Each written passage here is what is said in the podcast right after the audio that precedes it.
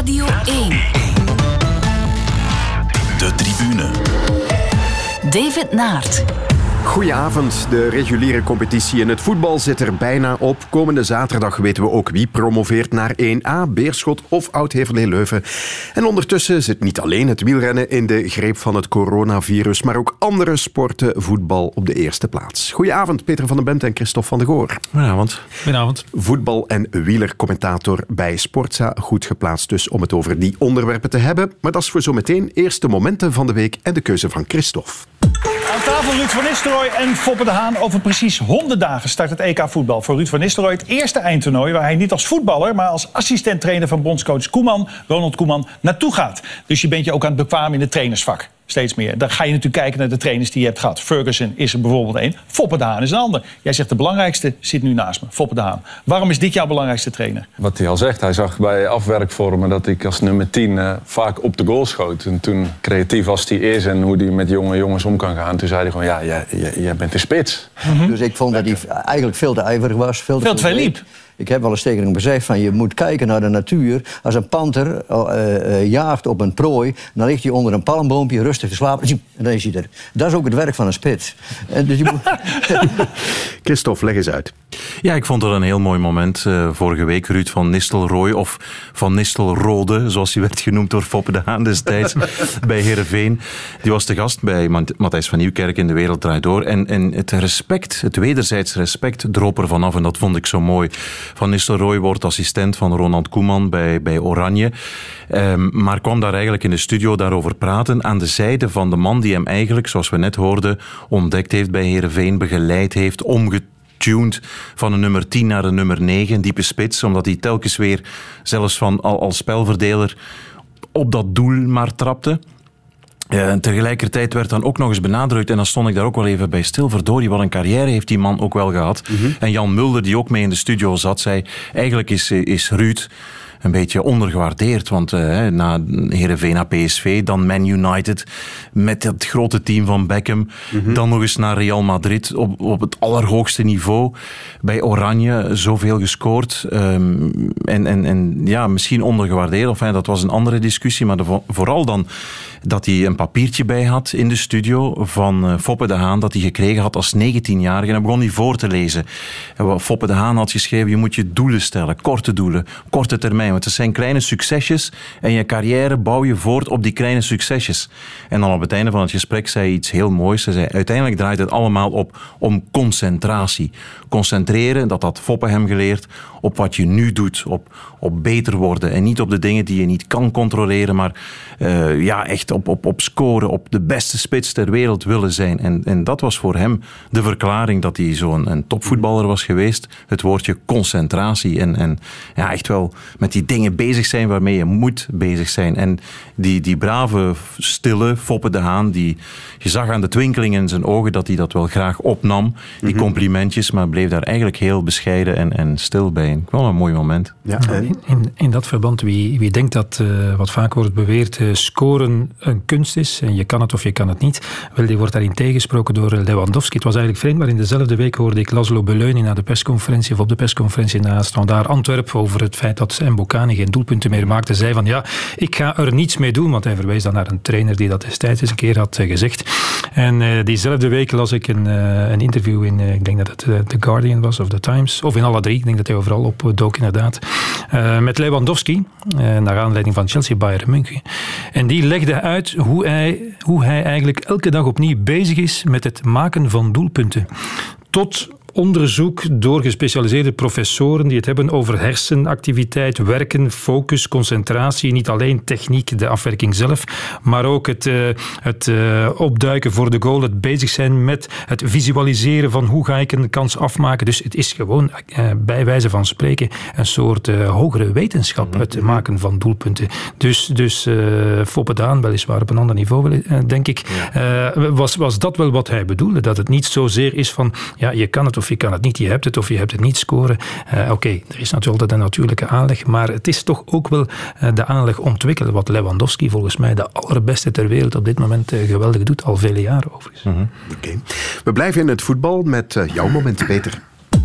Ik heb er eh, de voorzitter van Cercle Brugge bijgenomen, Vincent Goemar. Mag ik u feliciteren, want jullie zijn officieel gered. Jullie blijven in 1A. Het is een 100% Brugs feestje, hè? Ja, ja, het is fantastisch. Het is een beetje vreemd wel, eerlijk gezegd. Want uh, vanavond eigenlijk verliezen en dan toch eigenlijk gered zijn moeten vieren. Een beetje vreemd gevoel, maar we zijn uiteraard uh, super tevreden met wat we gepresteerd hebben de laatste vier, vijf weken. waren super. onze fans ook vandaag met 1400 supporters aanwezig. We kunnen niet anders dan inderdaad blij zijn. En dat noemen we dan het mirakel van Cirkeltje. Uh, jij noemt dat dan zo, David? dat, dat zit ik me nu een heel weekend af te vragen. En ik heb dat woord ongetwijfeld ook al een paar keer gebruikt. Maar ik zat me eigenlijk gisteren, gisterenmorgen af te vragen. Ja, is dat nu eigenlijk wel zo miraculeus, de redding van Cercle Brugge? Uiteraard wel, want een maand geleden had iedereen Cercle Brugge uh, opgegeven na die mm -hmm. nederlaag op het veld van Eupen. Gemiste penalty op het einde. En dat je dan als allerlaatste in de stand, nadat je nauwelijks punten hebt gehaald, maandenlang vier keer na elkaar wint, dat is heel erg straf. Maar uh, ik denk dat je de redenering toch een beetje moet omdraaien. Ik denk dat het vooral vreemd is, onverklaarbaar en vooral heel erg slecht gedaan dat Cercle Brugge daar een heel seizoen onderin heeft gestaan. Mm. Cercle Brugge heeft een eh, budget, heb ik een keer gelezen, van 18 miljoen euro. Dat is precies zoveel als Charleroi. Dan denk ik dat we kunnen zeggen dat er in Charleroi enigszins beter is gewerkt, hè, met dezelfde middelen, dan bij Cercle Brugge. Dus het is niet zo, zoals Waasland-Beveren heeft het allerkleinste budget in de hoogste klasse. Dus ja, volgens de economische logica staan ze bij wijze van spreken misschien straks op hun plaats. Maar, maar moet Cercle Brugge zich nadat ze terecht feest vieren de hele week en mogelijk, en, uh, hopelijk ook nog een, een, een, ernstige wedstrijd spelen tegen KV Oostende, zich wel afvragen hoe ze dat nu vanaf volgend seizoen beter gaan doen. Mm -hmm. Met toch heel veel middelen die beschikbaar gesteld worden door, door Monaco. En ik heb begrepen wel van de voorzitter dat er sinds een bepaalde tijd, zeker sinds de komst van Stork, op een andere manier wordt gewerkt. Dat Monaco minder zomaar al die jongeren naar hier stuurt die niet klaar zijn om in deze veeleisende Belgische competitie te presteren. En dan kan je dat wel een keer overkomen. Dat die samenwerking toch op een andere manier zal zijn. Dat het net iets meer Cercle Brugge zal zijn. Misschien weer de, de, de terugkeer naar het, het positieve verleden. Dan het dat is uh, geweest. Dus om dat nu maar stevast een mirakel te blijven uh, noemen daar zou ik vanaf nu toch iets voorzichtiger mee zijn. Maar, maar dat ze natuurlijk op de keel. Maar dat ze natuurlijk, ja, dat ze natuurlijk uh, terwijl ze al, uh, terwijl enkel nog de zerk op het graf moest gelegd worden, nog verrezen zijn, dat is natuurlijk wel straf. En toch moet ik telkens weer denken aan een uh, reportage die we hebben gemaakt. Was het nu oktober, november, een sportweekend met Stork en andere stemmen die, die daarin toch kwamen zeggen dat er goed voetbalspel op het, uh, het, veld werd gelegd. Dat hebben ze zeker gedaan. Niet in die hele periode, en, en, maar geleidelijk aan was het voetbal van Cercle Brugge veel beter. En mm -hmm. het is inderdaad straf dat ze in de weken waarin ze eigenlijk hun eigen doodvonnis leken te tekenen goed voetbalden, dat is al van in het najaar inderdaad zo geweest, maar geen resultaten haalden. Ja. Maar ook dat is een onderdeel van, uh, Klopt. van goed werken natuurlijk, dat is resultaten halen. Ja. De tribune. We kunnen er niet omheen, het coronavirus en de sport. In Italië worden mogelijk alle sportwedstrijden tot en met 3 april opgeschort. Dat heeft het Italiaans Olympisch Comité vanavond toch gevraagd aan de Italiaanse regering. En we wisten al dat we dit voorjaar moeten doen zonder de Tirreno en Milaan-Sanremo. In Amerika is het tennistoernooi van Indian Wells in Californië geannuleerd en vandaag kwam ook de Franse regering met een reeks toch wel forse maatregelen. Zo moeten alle sportwedstrijden, ook die in de Ligue 1, achter gesloten deuren worden gespeeld of met een aanwezigheid in het stadion van maximum duizend personen. Dit is de Franse minister van Sport. Naturellement, il faudra que les organisateurs euh, s'adaptent aux nouvelles règles en limitant leur jauge à 1000 personnes, avec, en comptant les participants, ou bien en préférant le huis clos lorsque celui-ci est rendu possible. En dat betekent dat komende woensdag ook het Champions League-duel tussen Paris Saint-Germain en Borussia Dortmund zonder toeschouwers zal worden gespeeld. In het rugby wordt de wedstrijd Frankrijk-Ierland in het zeslandentoernooi verschoven naar het najaar en ook de koers ontsnapt er niet aan bij onze zuiderburen. Toeschouwers zijn niet langer welkom bij de start en de finish in Parijs-Nice. Nou, Peter, Christophe, het komt wel dichterbij, hè? Mm -hmm. Niet dat er veel toeschouwers waren in Parijs-Nice. Dat weet ik. maar, goed. maar Frankrijk, ja, dat uh, grenst ja, ja, aan België. En, en, en gisteren was er dan nog in Frankrijk die vorige maatregel. Hè, tot en met uh, 5000 toeschouwers mocht nog wel. En ja. de mensen in het basketbal vertelden dat men in de Franse liga en basket tegen de clubs had gezegd ja, de grote clubs Lyon en zo, zegt dan gewoon dat jullie 4700 betalenden hebben en geen 5002. Maar goed, alle gekheid om een stokje. Het komt heel dichtbij. Hè, wij gaan vanaf morgen ook een twee dagen, drie dagen misschien naar Parijs-Nice en zijn dus zeer benieuwd om dat ook met eigen ogen vast uh, te stellen. Het is wel, als ik mag spreken over de koers, een zootje ongeregeld natuurlijk. Hè. Iedereen doet maar voor zich. En je ziet dat ook. Een, een Van Marken en Ties Benoot die zijn maar al te blij en gelukkig dat ze hun Italiaans programma hebben kunnen overhevelen en wijzigen naar, naar Parijs-Nice. Maar het is echt wel ieder voor zich natuurlijk, met het oog op die, die grote klassiekers waarop ze, en waarvoor ze een hele winter hebben getraind. En vandaar ook dat Greg van Avermaat op dit ogenblik zo gefrustreerd is. Ja, Peter, jij geeft niet alleen eh, commentaar op de radio bij het competitievoetbal, maar eh, voor Proximus Sports ook Champions League, eh, voor televisie bij ons Europa League. Jij moet dus Europa in. Deze week naar Liverpool en Sevilla heb ik begrepen. Zo is het, Eh, dat is nog met publiek voorlopig. Eh, ja, want eh, ook daarover, Liverpool is voorlopig inderdaad ongewijzigd gebleven. Maar ik dacht dat eh, er morgen wel een Premier League vergadering was, waarop ze gingen kijken op welke maatregelen ze eventueel gingen nemen. Dus wie weet wordt er morgen beslist dat het ook achter gesloten De deuren is van. Sport in Groot-Brittannië zei vanochtend dat er wat hem betreft geen Ja. enkele aanleiding was om Nee, eh, achter gesloten deuren te En, en in Spanje is het, eh, is het een beetje vreemd, want Valencia tegen Atalanta, eh, dat is ook op, dat is morgen, is wel achter gesloten deuren. Sevilla tegen Roma, ook een Italiaanse tegenstander, is voorlopig nog met publiek. Ik heb Maar een paar keer Roma geïnformeerd. dat ja, inderdaad. Ik heb een paar keer geïnformeerd, voorlopig nog met publiek. Dus we gaan wel gemutst het vliegtuig op. no problem. In welke mate ben je er eigenlijk al mee bezig met dat virus en voetbal? Wel, voor mij persoonlijk helemaal niet. Mhm. Eh, ik ben iemand die eh, zich houdt aan wat eh, voorgeschreven wordt. Dus zolang niemand mij zegt dat ik niet het vliegtuig mag nemen naar Engeland of naar Spanje, dan neem ik gewoon het vliegtuig als mij dat wordt gevraagd. En als ik in een stadion mag gaan, en of dat met of zonder publiek is, en er zijn mensen met kennis van zaken die dat zo hebben beslist, dan doe ik dat. En, en ik Heb jij bijvoorbeeld handen geschud in het Ja, voetbal dit ja weekend? handen Toch wel? geschud. En ja, inderdaad. Ik heb Ah. handen geschud. en ik heb mensen omhelst en gekust als dat meter gebruikelijk is. afstand gehouden bij je? Nee, nee maar ik, eh, nee, bij wijze van grap eh, kunnen we wel een meter meenemen natuurlijk. Dus, nee, ook dat niet. Ik heb uh, gisteren, zaterdag de voorzitter van Oostende nog geïnterviewd en dat was zeer dichtbij, want ja, het was met een, een kleine microfoon. Dus alle begrip voor de grote ongerustheid bij, bij de bevolking en de, ik zou zeggen, grote aandacht in de media die eraan wordt besteed. Maar ik laat het op mij afkomen en misschien ben ik op het einde van de week ziek en moet ik iets anders vertellen. Maar zolang dat niet gebeurt, probeer ik toch op een normale manier te functioneren. En het, is dat wat mij eigenlijk ook wel bezighoudt. Hè. Uh, iedereen praat erover, iedereen vindt dat er maatregelen moeten genomen worden.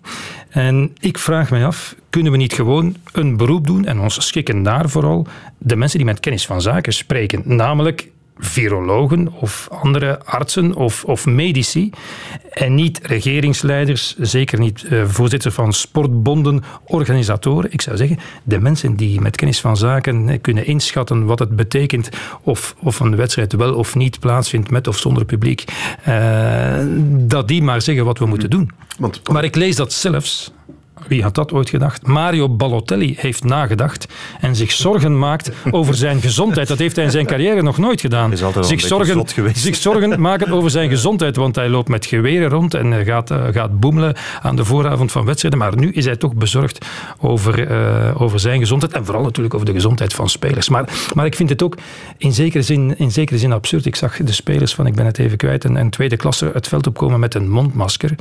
En nadien wordt er natuurlijk wel gewoon gevoetbald. Ja. Uh, mijn zoon heeft vorige zaterdag een rugbywedstrijd gespeeld. Ja, uh, ik kan u zeggen, ze zijn niet een meter van elkaar nee, zo is het. Ja. Dus, dus ja. Ja, en uiteindelijk zitten de toeschouwers ook in het stadion. Als je naar de staanplaatsen kijkt, sta je daar op elkaar gepakt. Ja, ja en, en, en daarom, dat begrijp, dan wel. daarom begrijp ik dat getal van duizend ook niet. Wat is dat dan duizend? Verspreiden ze die dan? Hebben ze dat dan nagemeten dat, dat duizend het aantal is dat je op een meter van elkaar kan plaatsen? Inclusief zijn... de spelers. Hè? Ja, ja, ja want, ik las bijvoorbeeld gisteren, stonden ze daar, want dat, het is het, is het, uh, uh, het, het, grote gebrek aan besluitvorming, zou zeggen, de besluiteloosheid die toch inderdaad op de zenuwen werkt. Dus met, met als extreem voorbeeld gisteren de wedstrijd tussen Parma en Spal, ja, waar de spelers in een leeg stadion overigens in de spelerstunnel staan. Dan roept de minister van Sport ergens vanuit zijn kantoor, nee, wedstrijd mag niet gespeeld worden, terug binnen drie kwartier, nog een kwartier, dan weer buiten.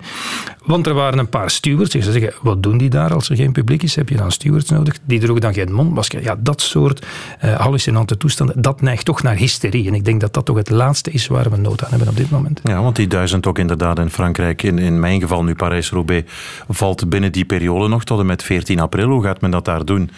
Gaat men aan, aan de inkom van de wielerbaan in Roubaix staan, uh, tickets vragen of niet en tellen met, met een telraampje, dit zijn er 999 en stop. En gaat men die dan rond eh, de omheining eh, verspreiden, wat bijna niet mogelijk is op een piste van 400 meter? Ik, ik, ik vind wel, uh, commerciële of sportieve belangen kunnen niet meespelen in het nemen van de beslissing. Mhm. Dat vind ik wel.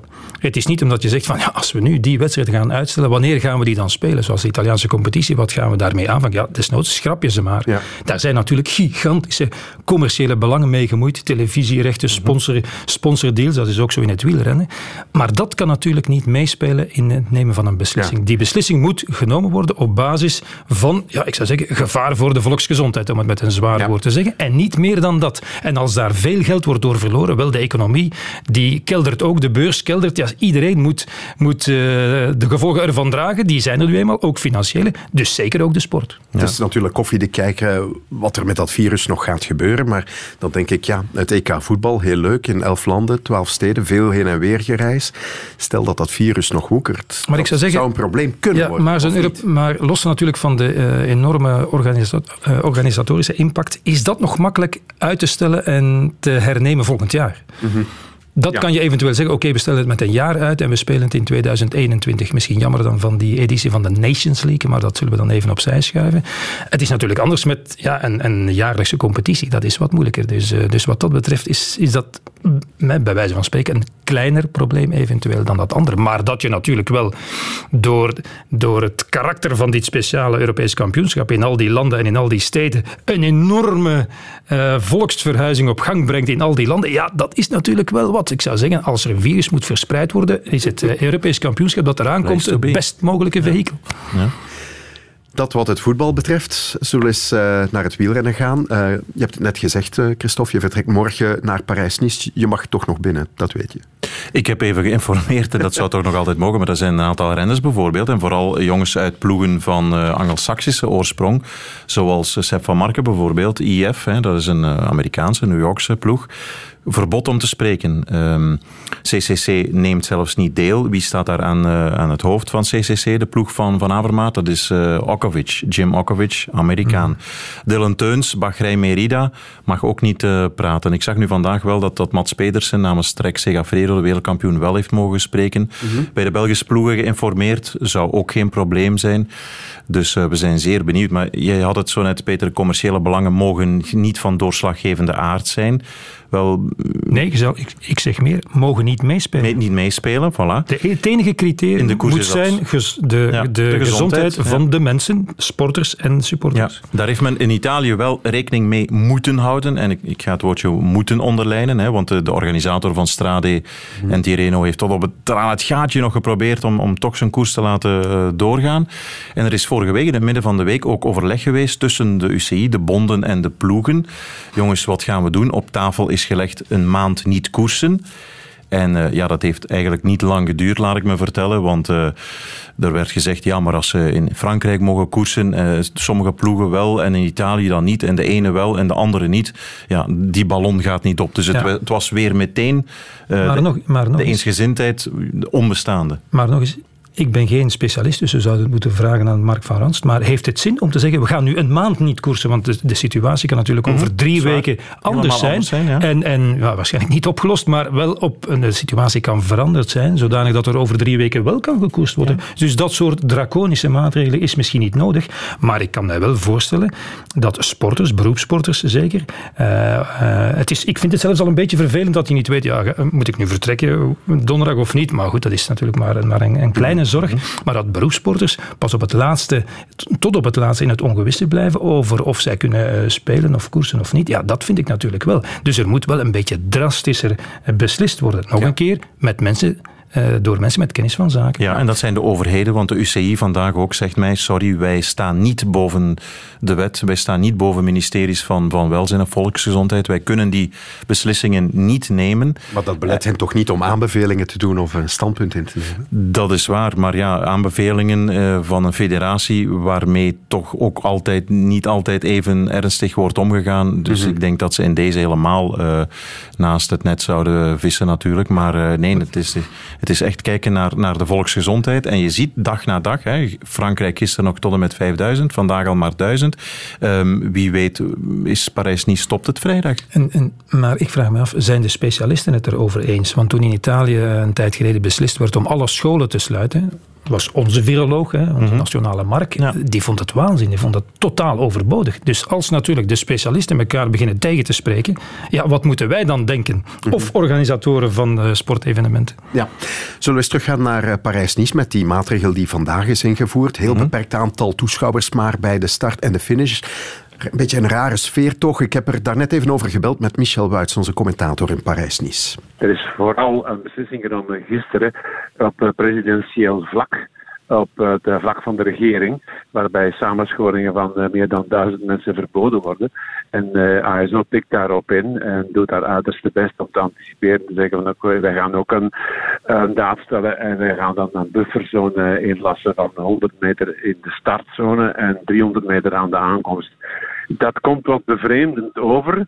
Maar je kan niet eh, beletten dat mensen vanuit een appartement naar hun voortuintje komen en dan op pakweg 30 meter van de aankomst komen staan. Dat heb ik vandaag ook wel eh, gemerkt. Maar men gaat er wel strikt mee om. Ik zie hier eh, politiepatrouilles heen en weer lopen die absoluut beletten dat auto's passeren. Of dat mensen ook maar in de buurt van die perimeter van 300 meter komen. Dus het is wel opvallend. Een stukje dadendrang van ASO, zegt Michel. Ja, dadendrang of proberen net de beste, de liefste van de klas te zijn. In toch altijd houd ik in mijn achterhoofd, eh, misschien is dat pervers dat ik daar nu aan denk in deze omstandigheden hoor, maar in een machtsstrijd toch wel, in een sport, ASO tegen UCI. En ik kan mij niet van de indruk ontdoen dat ASO zegt van we willen de beste leerling van de klas zijn en we gaan heel bra- braaf luisteren nu. En eigenlijk misschien net iets meer doen dan nodig, want er mochten ook geen selfies worden genomen. Ik lees vandaag in onze Vlaamse kranten dat de mannen van AG Deuxer, een Franse ploeg not- nota bene, zich daarvan gisteren helemaal niets aantrokken en wel met het Franse publiek graag eh, op de foto gingen. Dus ja, hoe kan je zoiets controleren, zoals Michel ook zegt? We hebben zoveel eh, uitzichten van de dag al gezien in, in wielerwedstrijden en voortuintjes komen inderdaad tot aan de streep. Dus hoe kan je dan, moet je dan tegen Marie-Jeanne zeggen van bl- blijf binnen? Ja, Ja, en het is hoe kan je dat afdwingen? al niet over de koppen lopen bij Parijs. Zo is het inderdaad. Geluk bij een ongeluk. Ja.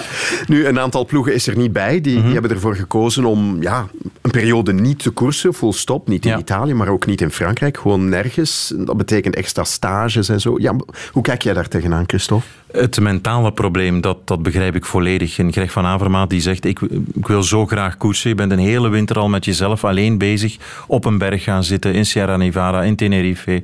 Eh, altijd maar trainen, trainen met één oog. eh, namelijk dat koersen. En dan mag je niet en dan moet je weer gaan trainen en een... een tijd gaan overbruggen. En dan vooral ook het, eh, zoals Kampenaars het vorige week heel mooi uitdrukte in Extra Time Koers, vaak die autistische trekjes bij die topsporters. Het zien nu dat sommige van je collega's tegen wie je dadelijk in die klassiekers, hopelijk, van Vlaanderen, E3, noem maar op, moet gaan strijden, die zijn nu wel competitieritme aan het opdoen en jij zit ergens op een, op een berg te trainen, alweer naar die wattagemeter te kijken. Dat mentale op dit ogenblik, dat denk ik dat het eh, grootste struikelbrok is voor blok, sorry, voor eh, een hele brok ook, voor die mannen. En misschien ook een vraagteken van waar sta ik nu precies als Zo die is het, koers eh, eh, ja, gaan het, beginnen? het, het eeuwige getwijfel, hè, want, want zij wel en ik niet. En dan krijg je natuurlijk weer die, die vraagtekens. En ja, het is, het is een, een zeer moeilijke discussie, vind ik. Van waar trek je de lijn? Het is een soort van competitievervalsing. hè. Ik geef nu maar het voorbeeld van eh, Champions League duel belangrijk toch tussen PSG en Dortmund. Wel, PSG heeft drie weken geleden in een vol eh, Westfalenstadion, zoals ik dat nog altijd noem, gespeeld met de druk van het publiek. Ja, overmorgen is het achter gesloten deuren, zonder publiek. Ja, dat scheelt toch niet weinig, denk ik. Hetzelfde voor, voor Juve tegen, tegen Lyon. Dus ja, wat dat betreft is- speelt het toch ook een zekere rol. Maar nog een keer, ook dat mag niet meespelen als je een beslissing moet nemen. Ja, Eh, er zijn dus die ploegen die hebben beslist wij koersen even niet. Mhm. eh, al dan niet op advies van hun, hun ploegarts.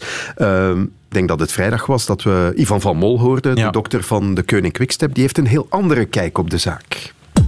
Ik vind dat wij eh, moeten de autoriteiten volgen en hun adviezen als leidraad nemen. Ik vraag me af, wat is dan de functie van adviezen van de overheid? Wat is de functie van adviezen van mensen zoals eh, professor Van Ranstam? Zijn dat in ene keer idioten of zijn dat nu mensen die. Of hebben de artsen nu de pretentie om meer, de ploegartsen pretentie om de zaken beter te weten dan echte epidemiologen? Ik acht mij die pretentie niet toe.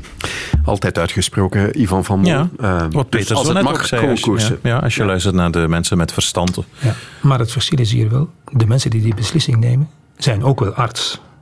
Dat is Mhm. nog iets anders, vind ik. Dus die mensen zijn in zekere zin misschien niet gekwalificeerd om precies in te schatten wat het coronavirus eh, kan teweegbrengen, maar zijn wel arts. Dus om nu te zeggen dat die dan helemaal geen recht van spreken hebben en geen eigen mening mogen hebben en zich verantwoordelijk mogen voelen voor de ploeg waarvoor zij verantwoordelijk zijn, dat vind ik toch nog iets anders. Dus misschien ook om, ja. omdat ja, renners in deze periode van het jaar erg bevreesd zijn om, om ziek te worden. Ja, Sowieso. ja, en, en ook inderdaad Ja, maar ze lachen er zelf eh, toch een beetje mee. Eh, Yves Lampaard, om geen naam te noemen, toen ik hem twee weken geleden interviewde, net voor het openingsweekend en een vraag over corona toen al stelde, ja, zei letterlijk, wij zijn jonge, sterke topsporters, zo gezond, ons kan toch niks overkomen. Er wordt eigenlijk wel een beetje lacherig over gedaan, moet ik zeggen. Ehm, dat is toch wel, toch wel het, eh, het, gevoel. En ja, ehm, Ja, want het is inderdaad zoals je... eh, in Nederland was het zo, denk ik. Ook in Italië. eh, waar ja, toch een, een zeer hoog aantal mensen is overleden. Maar dat zijn blijkbaar allemaal... Of, of gemiddeld, eh, de gemiddelde leeftijd ligt boven, boven Ja. de 80. Ja. Natuurlijk, het, het wielerpeloton is bij uitstek een, een, een zwervend en uitzwermend geheel. Hè? Ja. Van, van Italië naar Spanje, noem maar op, eh, Anglo-Saxische landen. Iedereen eh, komt bij elkaar en, en zwermt weer uit. Hè? Ja, daar heeft eh, Van Mol trouwens ook nog iets over gezegd. Vindt u het dan ethisch verantwoord om te koersen? Want eigenlijk kunnen jullie potentieel bijdragen tot de verspreiding van het virus. Of zegt u dat is allemaal overdreven? Wij eh, gaan toch niet meer bijdragen tot de verspreiding van het virus dan iemand anders die in een fabriek werkt. Die mensen die, die zitten altijd binnen. Daar gaan ook mensen zijn die coronavirus hebben. Dus een mogelijkheid is van gewoon alles stil te leggen, alle bedrijven te sluiten, de VRT dicht te doen. En ik vraag me af in welke mate dat dat eigenlijk eh, bij gaat dragen. Dan moet iedereen zich opsluiten. Voilà. Ja. Ja, het gezond verstand. Gisteren op de bekerfinale in het basketbal, David, Mhm. gaf ik iedereen een vuistje. Vuistje hè? En de mensen waren zeer verwonderd en verbaasd. Je- Dus jij geeft geen handen? Ik geef geen handen, nee. Als, Oh. nee, als, als, als, als Van Ik heb Rans... al een heel weekend handen geschud. Ja? Ja. Maar als... Ik dacht eh, aan het einde van deze uitzending in te omhelzen, maar dat moet ik dan zo... Nee, maar ja, het kan. Het, het kan ja, maar geen probleem. Want als, als je wil, Peter, RTBF-collega Pierre Robert kwam gisteren een grand bisou geven. Ik zei, Pierre, qu'est-ce que tu fais maintenant, euh, le virus? Maar Christophe, allez, we lachten mij eigenlijk uit. Ik gaf vuistje. Ook aan de coach van, van Charleroi, de Sam Rotsaert, die zei van, eh, oh, geen handen. Ik zei, ja, professor Van Rans zegt toch, hè, laat ons gewoon even ons gedrag even veranderen. Is dat nu zo moeilijk? Maar- maar, eh, En waarop hij meteen zei, ah ja, ja, het is waar, want jij komt met veel coureurs in, in contact. Dus, enfin, men was er niet echt mee bezig en dat verwonderde mij eigenlijk wel. Want het is er nu zo moeilijk om een tijdje gewoon geen, geen handen te schudden en die heel goed te wassen. Het is vaak ook gewoon En- een en- reflex hoor. Ja, ja, tuurlijk, ja. Maar ik vind wel dat Van Mol gelijk heeft. Het is niet Ja. om, ja, dan, dan, dan, als er beslist wordt dat iedereen in zijn eigen huis moet blijven zitten tot het voorbij is, oké. Maar als mensen vrij mogen reizen, ja, mag, mag het wielerpeloton ook eh, vrij rondreizen natuurlijk. Ja, dat lijkt me Ja, ja, logisch. ja. Ja. Maar dan is de vraag natuurlijk, wat met de Vlaamse koersen die eraan komen? Want de situatie verandert. Elke dag komen onze Vlaamse wedstrijden in het gedrang. Eh, Michel Buits die kijkt bevreesd toe. Ja, uiteraard. Uiteraard. Ik ben ook eh, voortdurend in contact met de organisatoren eh, in het voorjaar. En eh, die zitten echt met de daver op het lijf. Die eh, kunnen niet echt maatregelen treffen. Eh, dat moet ook op, eh, van de overheid gestuurd worden. Dus voorlopig is dat bang afwachten en hopen dat hun wedstrijd, hun kind toch doorgaat. Ook in het besef dat ze zich daar niet kunnen tegen verzekeren. En in de hoop dat de sponsors die zij in al die jaren naar hen toe gehaald hebben, dat die trouw blijven en dat die geen compensatie vragen. Dus het, het leeft daar enorm en ze zitten echt, zoals ik net al zei, met de daver op het Het is kijken van dag tot dag en hopen dat er geen eh, fatale beslissing valt. Ja, we hebben ons licht ook opgestoken bij Thomas van de Spiegel van Flanders Classics, dat onder meer de Ronde van Vlaanderen organiseert. Wij hebben echt eh, vandaag een, eh, toch wel wat tijd en energie besteed met een heel groot team aan, aan onze strategie en aan wat wij allemaal kunnen eh, doen, naar gelang nodig. En dat gaan we dan ook gewoon doen. Maar wij moeten natuurlijk wachten op de richtlijnen eh, die wij gaan krijgen. Dus uh, later deze week ook nog vergaderingen met, uh, met volksgezondheid, waarna wij een beter zicht zullen krijgen op wat van ons zal verwacht worden.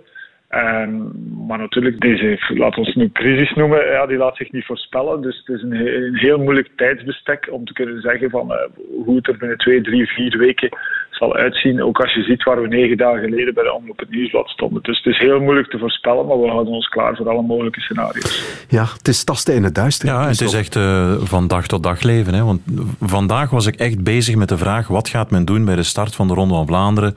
In Antwerpen gaat men daar tigduizend mensen dan bij elkaar laten staan of niet? Dat is de vraag die mij nu een beetje bezighoudt natuurlijk. Eh, de grote VIP-tenten ook in de Vlaamse klassiekers. Heel veel mensen dicht bij, bij elkaar. Maar als je daar verder begint over na te denken, de Ronde van Vlaanderen voor wielertoeristen.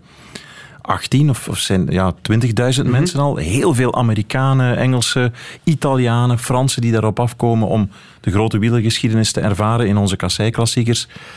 Komen ook heel veel mensen dicht bij elkaar. Vandaag zei iemand me ook, ja, bijvoorbeeld de, de, het pop, pop-up theater van Studio 100 met de musicals. Zoveel mensen samen. Wat, wat doen we daar allemaal? Ja, het is een hele context, een hele wereld eigenlijk die bijna op zijn kop kan komen te staan natuurlijk. Hè? Ja, ik denk dat we opgelucht zullen zijn Ja, als er als effectief het- kan worden gekoerst. hè. En inderdaad, ja, als, als ik eh, alle artikels goed lees die vandaag en, en het weekend verschijnen, het hoogtepunt van het virus, van de epidemie, zal waarschijnlijk ten tijde van Wevelgem, Vlaanderen hier bij ons gaan liggen. Hè? Maar misschien kunnen we aan de wielerliefhebber de discipline vragen. Om te thuis te kijk, blijven. Kijk, als je wil dat de koers gereden wordt, kijk dan televisie. Wat een record eh, aantal televisiekijkers voor de VRT zou opleveren. Dat juichen wij toe. Dus kijk, een klein eh, steentje bijdrage. Kom een keer niet kijken. Ik weet dat dat natuurlijk voor de mensen die eh, commerciële belangen hebben en die VIP-tenten uitbaten iets Ja. minder positief is. Maar kijk, dat lijkt mij een oplossing. We zullen... Als het nodig is. Voilà. Ja, het en zou Kafkiaan- Kafkaiaans zijn bijna. wie Ja. niet tv kan kijken, die kan ook bij de radio terecht. Dankjewel, natuurlijk, Met, eh, met onder meer Christophe van de Goor. Je mag, je mag de grens De tribune. Radio 1. En mijn gasten vanavond zijn Peter van den Bemt en Christophe van de Goor. Peter, zullen we het dan toch nog eens over voetbal hebben? Eh, ik hoorde het je gisteren zeggen. Het wordt de minst spannende titelstrijd in jaren. Eh nochtans dacht ik een paar weken geleden, Gent dat zo goed speelt. En als je dan in play-off 1 misschien heel snel Gent-Club Brugge programmeert, ja, dan wordt het misschien nog wat die titelstrijd. Maar Dat hebben ze zelf eh, zeker ook gedacht. Ja. En wij ook wel een beetje. Hè? Want er was toch een vrij groot contrast tussen de manier waarop Agent zijn wedstrijden speelde. eh, met soepel vloeiend voetbal, veel doelpunten maken, eh, spektakel. En, en het harken toch een beetje van Club Brugge. Maar het verschil was natuurlijk wel dat Club Brugge toch die wedstrijden, enfin, niet allemaal won, maar toch goede resultaten behaalden. En, en, en nauwelijks, eigenlijk helemaal niets had toegegeven in die periode op Agent. En ja, kijk, twee weken later is dat helemaal, is dat helemaal anders natuurlijk. En, en ja, blijkbaar hangt Agent dan toch geweldig af van Vadis Ojija. Twee wedstrijden niet kunnen spelen. En Vorige week geschorst, nu, eh, nu was hij geblesseerd eh, uitgevallen. Maar het zou toch niet kunnen natuurlijk als je een kern hebt hè, waarvan specialisten zeiden dat hij misschien wel in de breedte rijker gestoffeerd was dan die van Club Brugge. Misschien wel de breedste en de rijkste van de hele eerste klasse was. Dat je dan ja, bij afwezigheid van, van eh, twee of drie spelers, hè, want ook de Poitre niet, Jaremchuk niet, dat je dan een, flinke, een flinke tuimeling maakt. En tegen Charleroi 1-4, dat is niet helemaal een juiste weergave van eh, de krachtsverhouding natuurlijk, maar oké, dat kan gebeuren, want dat is een ploeg in bloedvorm. Maar op het veld van Cercle Brugge wees het dan wel het Cercle dat bezig was met het mirakel hè, te voltrekken. Ja, dat is natuurlijk onvergeeflijk. Dus het is, het is zeer vreemd en het, het, het is eh, zeer hard aangekomen bij de Gentse familie. Dat kan ik je wel verzekeren. Want eh, ze waren al een tijdje een beetje aan het gniffelen. Ze kittelden Club Brugge al wel een beetje. En ze zeiden, ja, als we ze binnen bereik kunnen houden. En voor hen was het dan eigenlijk, als we straks op, op vijf of zes punten kunnen beginnen aan play-off 1, dan zullen we nog wel een keer zien. Want dan kunnen we hen nog nerveus maken. En de onderlinge confrontaties, van niet de eerste, maar de tweede, heeft hen in dat geloof gesterkt. Dat was een, een volwassen wedstrijd die alle kanten uit kon tussen, tussen Gent en Brugge. Eh, de krachtsverhoudingen waren daar ongeveer in evenwicht. En dan hebben ze op twee weken tijd natuurlijk heel veel weggegooid. Bovenop nog eens de, de Europese uitschakeling, wat ook wel een, een desillusie is geweest. Dus nee, een vrolijke week beleven ze daar niet. En je moet nu zaterdag... De plaats staat nu wel op het spel natuurlijk. Wel, ze moeten nu achterom kijken, dat zoveel is duidelijk. Eh, vooruit hoef je niet meer te kijken, want daar heb je een verrekijker voor nodig. Maar wel achterom natuurlijk. Hè. Je hebt Charleroi dat komt, dat blijft toch maar verbazen. Ik wil wel nog altijd zien of Charleroi dat niveau kan aanhouden langer in play-off 1. Maar goed, ze zullen mij misschien van antwoord dienen. Maar Antwerpen komt er ook aan. Dus om zomaar te zeggen dat Gent dan maar tevreden zal zijn met de tweede plaats, dat zal wel. Maar daar zal nog voor gestreden worden, denk ik, op dit moment. En nog een keer, als je dan op die manier toch bij afwezigheid van een aantal spelers een, een diepe tuimeling maakt en zes punten te grabben gooit, dan is dat gewoon heel erg slecht. En, en, en wat zeker ook weer het geval zal zijn, en het is vreemd, en ik ben het daar zelf ook niet mee eens, maar dat komt dan toch weer de focus op de trainer te mhm. liggen. Want die bekerfinale van vorig jaar heeft veel kapot gemaakt. Nadien, oké, ze hebben zich daarover gezet, ze hebben Torup aan boord gehouden, ze hebben hem heel veel lof toegezwaaid, maar onderhuids proef je nog altijd een soort, ja, ik zou zeggen, onzekerheid. Niet overtuigd zijn helemaal. En, en uh, die nederlaag in Oostende bijvoorbeeld, uh, ook een zeer kwalijke nederlaag. Nu dan bij Cercle Brugge. Uh, de manier waarop Charleroi ook heel veel ruimte kreeg om, om tegenstoten in elkaar te knutselen. Ja, dat helpt dan natuurlijk toch niet, denk ik dan maar. Charleroi, de naam is al gevallen. In bloedvorm zeg je. Ja, hoe verklaar je het succes van die ploeg? Want ja, je ziet een beetje onderbelicht hier, hè? Uh, ja, kans. Maar dat zeggen ze altijd, maar ik, ik vind het helemaal van niet. Uh, ik vind dat ook wat uh, Calimero-gezeur, eerlijk gezegd. Er wordt voortdurend belicht hoe goed Charleroi het doet en hoe ze onder Medi Bayat een stabiele eerste klasse zijn geworden. Niet meer de fratsen van destijds, de andere Bayat, of de andere Bayatten, moet ik zeggen, oom en, en, neefje. Nee, dat is een goed gestructureerde ploeg die, die geleidelijk aan groeit, hè, die ook bezig is met een nieuw stadion, die niet meer spelers moet verkopen, maar nu zelfs nog een paar transfers kan doen. Dat is anders dan in de, in de Mazou-periode. En die een trainer vertrouwen geeft, want Belossin krijgt nu terecht veel lof voor de manier waarop hij die ploeg heeft gezet. Heeft toch Dian die vervangen en heeft uh, moeten vervangen. Heeft dan Morioka een vondst achteruit getrokken een rij. En dat is een, een, een geweldige ontdekking. Ja. ja. En moet het nu toch doen zonder Bruno, als je dan toch praat over afwezigen. Dat was een heel belangrijke pion in het, eh, in het aanvalspel van, van Charleroi. was weer de allerbeste Bruno van in zijn periode bij, bij Anderlecht. Maar in het najaar is er een hele periode geweest waarin Belossin ook onder druk kwam te staan van buitenaf en er vragen werden gesteld en de resultaten niet goed waren. Wel, dan heeft Medi Bayat de rust bewaard en zijn vertrouwen uitgesproken. En kijk, dat, dat betaalt zich nu uit. Maar, maar eh, om nu te zeggen dat Charleroi elke week aantrekkelijk voetbal speelt, ja, dat ook niet. Want ik heb toch best wel uh, wedstrijden gezien van Charleroi, best heel wat zelfs, die het aankijken niet waard waren. Dus ik zeg het nog een keer, het benieuwt mij. Uh, of het zal mij benieuwen hoe Charleroi er vanaf brengt uh, in play-off 1. Maar en niet omdat ik in Wallonië woon, maar ik vind het wel goed dat uh, in de play-offs ook een aantal Waalse clubs ja. zitten. Dat play-off 1 ook bezuidende taalgrens wordt gespeeld en niet alleen maar in het noorden van het mhm. land. Je hebt ook Antwerpen nog genoemd. Hoe goed vind jij die ploeg op dit moment ook richting bekerfinale tegen Club Brugge? Ik, ik zou zeggen, die, die zitten een beetje in, in een soort spaarmodus. Dat is mijn indruk ervan. Dus die zijn nu 100% duizend procent gefocust op de bekerfinale. Dat is de allereerste apotheose van het seizoen. Uh, het is van uh, in de tijd uh, dat het internet nog niet bestond geleden, bij wijze van spreken, dat Antwerpen nog eens een, een, trofee heeft gehaald. Dus stel je maar eens voor, dat zou al een eerste tussentijdse bekroning kunnen zijn van de, van de revival van Antwerpen, van de terugkeer op het hoogste niveau, van definitief zeggen, wij zijn hier terug. En je kan het zien aan ons palmares, we hebben de beker van België gewonnen tegen Club Brugge dan nog een keer. Dat is een wedstrijd die de voorbije jaren natuurlijk aan, aan spankracht heeft gewonnen. Er is de rivaliteit tussen de twee supportersclubs, dus we houden ons hart er wel een beetje voor vast voor die uh, zondag in, in Brussel. Ook tussen de twee voorzitters is er toch uh, naijveren, weliswaar wat meer respect nu, maar geen van die twee wil die bekerfinale verliezen op een meter van de andere. De, de coronameter zal dan ook in acht genomen worden. Dus ja, het is wel een wedstrijd om naar uit te kijken. En, en uh, ik zie nu dat Refailov al een paar keer op, op de bank zit. Wel, die zal er wel staan in de bekerfinale. Uh, en Bocani zal ontploffen. Dus dat gaat echt met die supporters in de rug een, een uh, absoluut hoogtepunt zijn van het seizoen. En Club Brugge gaat echt heel erg goed moeten zijn om, om uh, Antwerpen af te houden. En, en ga er maar eens vanuit dat, uh, dat Antwerpen daar goed doet in die bekerfinale. Wel, dan zou het wel eens kunnen dat ze flink gelanceerd zijn voor play-off 1 ook. En nog een keer, ik praat altijd over plaats 2. Hè. Ja, ja. 1 is al weg. Dat lijkt mij wel duidelijk. De tribune. De eerste titelfinale in de eerste voetbalklasse B gisteravond die was erg onderhoudend. Tarek Tissoudali heeft het eerste doelpunt van deze promotiefinales gemaakt. Vlak nadat er aan de andere kant een bal tegen de lat ging van Oud-Heverlee Leuven. Maar plots stonden ze daar met z'n tweeën aan de andere kant. En hij deed het prima, Tissoudali. Met een man in zijn rug. Weggedraaid, te zwak verdedigd, kan je ook wel zeggen. Wat ik heel opvallend vond bij jullie, is de agressie die jullie toonden vandaag en de goesting om, om er iets van te maken. Ja, ik denk, denk dat dat op zich ook het Losada-effect is. Hè. We speelden een beetje naar, naar het profiel dat hij was als speler en, eh, en hij heeft dat perfect overgebracht op de groep. Dat zei doelman Mike van Hamel, die zijn ploeg Beerschot met 1-0 zag winnen van Oud-Heverlee Leuven. Nu zaterdag is er de return aan de dreef. Ja, Peter, mogen we Beerschot de favoriet nu noemen voor de promotie na die 1-0? Ze hebben wel het voordeel, vind ik. Op basis natuurlijk van die 1-0 voorsprong. Nu, uh, twee jaar geleden was dat niet genoeg tegen Cerkelbrugge. Hebben ze helemaal op het einde met een penalty uh, goal nog met 3-1 verloren. De overtreding was van Swinkels, geloof ik. Die, dat klopt. Die heeft wel veel pech, ja, die jongen. Aan, aan het einde van de competitie. Ja, altijd een opvallend. Ja, altijd. Want hij heeft een heel goed seizoen gespeeld, voor ja. duidelijkheid. Dus ze hebben wel het voordeel. En ik vond de eerste helft van Beerschot bepaald indrukwekkend. Ze waren heel erg sterk.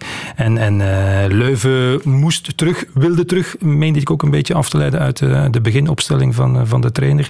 Maar... Uh, ik denk wel dat we van Leuven thuis nog iets mogen verwachten. Hij gaat met Mercier en uh, Aguemon beginnen, denk ik. Gaat offensiever voor de dag komen. Dus gespeeld is het zeker nog niet. Maar uh, ja, Beerschot heeft wel het voordeel nu. Heeft, laten we zeggen dat, dat de, de kansenverhouding dan toch 60-40 zijn in het voordeel van Beerschot. Ja, uh, het was een aantrekkelijke wedstrijd, in een sfeervol, goed gevuld stadion. Ja, allebei zijn het ploegen die hun plaats hebben in 1A. Hè? Kijk, het was een wedstrijd uh, uit de linkerkolom van 1A en de betere ja. linkerkolom. Er zat intensiteit in, er zat tempo in. Uh, er waren kansen, er was spektakel, er waren, was een doelpunt, er waren saves van de keeper. En in wat je zei, het was in een sfeer, geweldige ambiance, zoals dat zo vaak het geval is op het, op het kiel. Dus het was gewoon een uh, propaganda voor het voetbal. Niet voor 1B, want daar hoeven we geen propaganda voor te maken, voor dat verschrikkelijke competitieformat. Maar op een of andere manier komt dat altijd wel boven. Ook die wedstrijden van vorig jaar tussen, uh, tussen uh, Beerschot en KV Mechelen, zeker de terugwedstrijd. Ja, dat is altijd, op het ja, dat is altijd ja. ongelooflijk uh, spannend. Dus het was, het was een formidabel spektakelstuk van, van het begin tot het einde. Want in de tweede helft heeft, heeft Leuven dan wel naar zijn kwaliteiten gevoetbald. En had ze natuurlijk ook kunnen, kunnen gelijk maken. Dus ik kijk er ongelooflijk naar uit, naar de wedstrijd van zaterdag. Ja, wat vind jij? En wat je, wat je zegt, sorry, sorry. ik zal misschien nu op je vraag antwoorden. wat je zegt, ja, allebei hebben zijn bestaansreden op het hoogste niveau. En Beerschot zeker op basis van, van de traditie, de aanhang. Hè, dat is hetzelfde verhaal als, als Antwerpen eigenlijk. Dat is een ploeg die als ze goed gestructureerd is en een gezonde financiële basis heeft, uh, in de hoogste klasse uh, thuis. En hetzelfde geldt op een andere manier ook, ook voor Leuven. Dat is ook een club die als op het hoogste niveau speelt. Heeft ze bewezen toen ze er een paar jaar geleden een paar jaar heeft uh, vertoefd. En ja, reden van bestaan heeft om op een gezondere manier daar, daar te kunnen blijven staan. En, en ze hebben natuurlijk de, de steun van uh, de zoon van de Thai, zoals wij dat dan in, in Leuven zeggen. Uh, om om ja, misschien nog wel uh, op termijn wat hoger te mikken. En natuurlijk, het is van levensbelang voor allebei. He, toen dat de financiële, vragen, toen de financiële als je cijfers. zo dichtbij bent in, in beide gevallen. Ja, en Beerschot heeft het al twee keer. Ja. In, in het, op het einde van de wedstrijd. Wat is dan de en, en ze rekenen ook nog op KV Mechelen dat niet naar 1A zou mogen ja, ja, ja, gaan. Ja, ja, dus. Wat is dan de weerslag op een van beiden? Want ja... Maar ik zou zeggen, Beerschot heeft nu twee jaar na elkaar het net niet gehaald en staat er nu wel weer. Dus die weerslag is dan, dat is ook beperkt. Is dan, ja, is dan beperkt. Ja. Maar, maar uh, het grote drama van al die ploegen, in, of bijna al die ploegen in de 1B, is dat ze uh, veel grotere financiële inspanningen doen dan ze zich kunnen permitteren om snel weer naar 1A te geraken. En er kan er natuurlijk maar één promoveren. Ook KV Mechelen heeft zich flink in de schulden gestoken om snel weer de stap naar de eerste klasse te kunnen zetten. En als je daar dan in slaagt, dan is dat geen probleem. Dan kan je dat weer gauw weer wegwerken. Maar die, die ja, misschien geval. niet alle zeven, maar toch een stuk of vier, vijf anderen, ja, die hebben een enorme schuldenpunt. Natuurlijk, Oud-Heverlee Leuven was ongeveer de slechtste leerling van de klas met bijna met een, een negatief vermogen van 14 uh, miljoen euro, denk ik. Mm -hmm. Dat is allemaal wel afgedekt en, en gecoverd, maar toch, het, uh, ondanks het feit, nog een keer zeggen, dat uh, het elke keer opnieuw een, een vermakelijk spektakel is. Zeker de finale, maar er worden, laat ik maar zeggen, door mensen die het van dichtbij volgen, wel vaker echt goede wedstrijden gespeeld in, in 1B. Blijft het natuurlijk toch een uh, vooral financieel kerkhof voor, voor al die ploegen. En dat zeggen, dat zeggen de mensen van al die clubs die erin mm. proberen te overleven. Dat zeg ik niet. Dus dat wordt een uh, zeer nerveuze bedoeling zaterdag. Ik moet zeggen, ik had gedacht, uh, zoals, zoals zo vaak, die heenwedstrijd, nee, dat wordt een maat voor niets. Allebei bang, allebei afwachten, allebei uh, zorgen dat ze geen doelpunt tegenkrijgen. Speculeren op de terugwedstrijd, wel niets van dat alles. Ja, dat Leuven heeft het in zekere zin wel gedaan, maar Beerschot heeft gewoon vol voor de aanval gekozen en, en, en is daarvoor beloond geweest. Want als het een beetje mee zit, dan is de titelfinale aan de rust al gespeeld. Dus Leuven mag een vrij dikke kaars branden voor, voor uh, dat hij uh, met een paar goede saves dat heeft voorkomen. En, en, en uh, ook, ook volgende zaterdag denk ik dat het eerst een beetje de kat uit de boom zal, kijken zal zijn. Ik denk niet dat Leuven stormenderhand aan de wedstrijd gaat beginnen, maar gaandeweg krijg je dan toch ja, een alles of niets. En, en zal het dan toch losbarsten, hoop ik.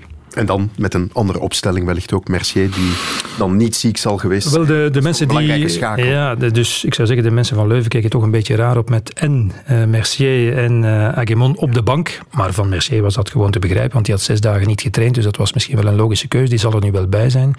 Uh, Keutis zal wellicht uh, terugkomen, dat zal nodig zijn, want Ngawa is geblesseerd uitgevallen. Maar het was wel duidelijk dat toen Agemon inkwam, dat was dan toch echt wel een defensieve keuze die hij maakte, Chimanga voor Agemon, dat Leuven beter ging voetballen. Dus die gaat er wel in staan, denk ik. Ja. Zaterdag half negen, dan begint die wedstrijd. De volgende op Radio 1. Zo is het. Maar niet met De mij. tribune. En aan het eind van de tribune trekken we ook nog even de zaal in. Hier komt de dunk van uh, Hans van Wijn. Daar ligt hem er gewoon in. Ja, het is binnen hè. Het is gedaan. De Giants winnen, net zoals vorig jaar, de bekerfinale. Nog een score op het einde, een uh, driepunter. Maar de Antwerp Giants winnen opnieuw. En mooi in het uh, afscheidsjaar van uh, voorzitter Roger Roels. Een nieuwe triomf. Christophe, jij was er ook bij in Vorst ja. Nationaal. onze radiocollega Karel Bertele die noemde de wedstrijd propaganda voor het basketbal. Had hij gelijk? Ja, absoluut. qua intensiteit eigenlijk. omdat het zo'n close game was. Vooral in die eerste helft enorm uh, met een groot hart gespeeld. Beide teams, beide ploegen. Terwijl de Antwerp Giants, zeker gezien hun gestalte, zeker gezien de schorsing van de centerspeler Bukicho bij Charleroi, waren de Giants favoriet. Het blijft eigenlijk gelijk oplopend tot aan uh, de rust.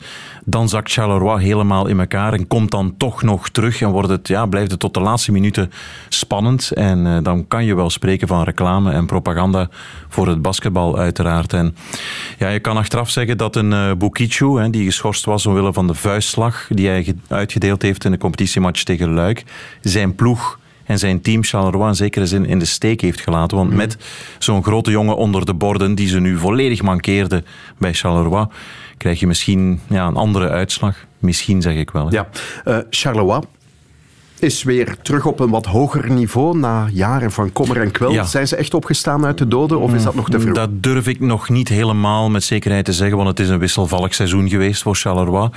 Zeker het begin van de competitie met uh, x aantal vijf, zes nederlagen na elkaar op een rij.